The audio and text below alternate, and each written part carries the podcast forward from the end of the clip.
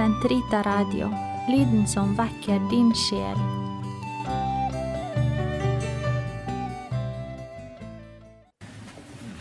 Kjære kristne, vi retter vårt blikk i dag først til annen lesning med denne storartede visjon av det himmelske Jerusalem, den hellige by. Det er jo målet. Og fordi det er målet, så har også de kristne til alle tider forsøkt å gjøre en slags avbildning av det himmelske Jerusalem også her på jorden. Ikke minst på 1600-tallet, da man bygde de nye byer i den nye verden, både i nord og i sør, hvor de katolske var aktivt med, så ser vi at dette er skissen som ligger til grunn for de byene man bygde. Og også i Europa, og helt opp til Trondheim, etter at vår by ble preget av, herjet av den verste av alle bybranner i 1681, så var det den katolske ingeniør og arkitekt eh, Jean Caspar de Sissignon fra Luxembourg som ga oss et Trondheim som også skulle speile Jerusalem. For det har jo vår by også hatt som navn allerede i middelalderen Jerusalem i nord. En liten by på 3000 innbyggere, men med denne store domkirken og 16 andre kirker og en fem-seks klostre. Det var et voldsomt skue for pilegrimene som kom hit. Men alt dette, det er jo de ytre ting som vi ikke skal forakte, for de vil forsøke på sitt vis å understøtte de åndelige verdier og den indre kraft som dette innebærer. Og det trenger vi, og det trengte de allerede i de første tider. Igjen hører vi i dag i første lesning fra apostlenes gjerninger om uro og tvister og krangel i kirken. Det har ikke gitt seg, men kanskje kan vi også lære noe av denne historien. Fordi, som det heter i konklusjonen i dagens lesning, nemlig kolon, Den hellige ånd og vi har besluttet ikke å legge noen annen byrde på dere enn følgende helt nødvendige ting. Avhold fra mat viet til avgudene, fra blod, fra kvalte dyr og fra ulovlige ekteskap. Vokt dere for disse ting, så vil alt gå bra. Hva betyr dette? Jo, i den strid det var mellom de kristne som kom fra jødisk side, og de som nå etter hvert i stor grad kom fra hedningefolkene, så kommer et krav fra den jødiske side om at ikke tale om man kan ikke bli døpt og bli kristen før man har fulgt de jødiske grunnleggende lover, nemlig å la seg omskjære og å følge de forskjellige regler og lover som gjelder.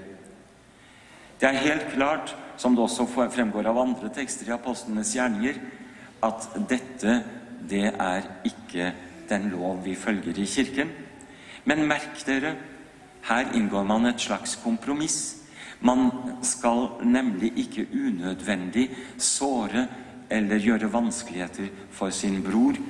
Derfor så får de hedningekristne beskjed klart om å følge noen av de grunnleggende jødiske regler. Så vet vi at i Kirken i dag så snakker vi ofte i Norge om de krybbekatolske, og vil med det snakke om de som er katolske fra barnsben av. Og så er det vi andre, vi som er konvertitter. La meg med et smil få si at hvor hadde Kirken vært uten konvertittene? Ja, fra Saul, som ble Paulus, til Augustin og videre frem gjennom historien, så vet vi at vi har både store lærere og store hellige blant konvertittene. Men igjen gjelder det for oss at vi skal leve i fred og enhet oss imellom. Vi skal ikke la våre sosiale eh, spor fra tidligere liv være det som bestemmer at vi har dette grunnleggende fellesskap i Kristus. Så sier Kristus selv i dagens evangelium, 'Jeg går fra dere, men jeg kommer tilbake. Og i hva slags utgave da? Jo, nemlig talsmannen Den hellige ånd. Den hellige ånd er det som bærer og som utgjør enheten i Kristi legeme, som er Kirken. Kristus er hodet, og vi er lemmene på dette store legemet. Men da er det også slik at i enhet og fred så er vi satt til å følge det som Den hellige ånd gir beskjed om. Og det er vår oppriktige og katolske tro, det som uttrykkes i det konsilene sier. Den hellige ånd og vi har besluttet.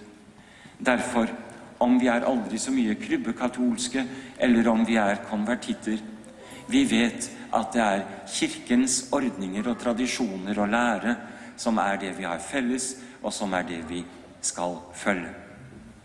Derfor, ikke minst kanskje i en så sammensatt og på mange måter i dag ung kirke som vår her i Trondheim og i Norge, så er det viktig at vi alle underkaster oss det Kirken sier, og ikke kommer med egne løsninger på det som Kirken allerede har gitt oss et svar på.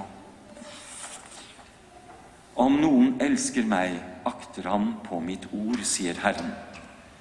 Og vi vil med frimodighet si at når vi snakker om mitt ord, om Jesu ord, så er det det ord som Kirken gir oss. Amen.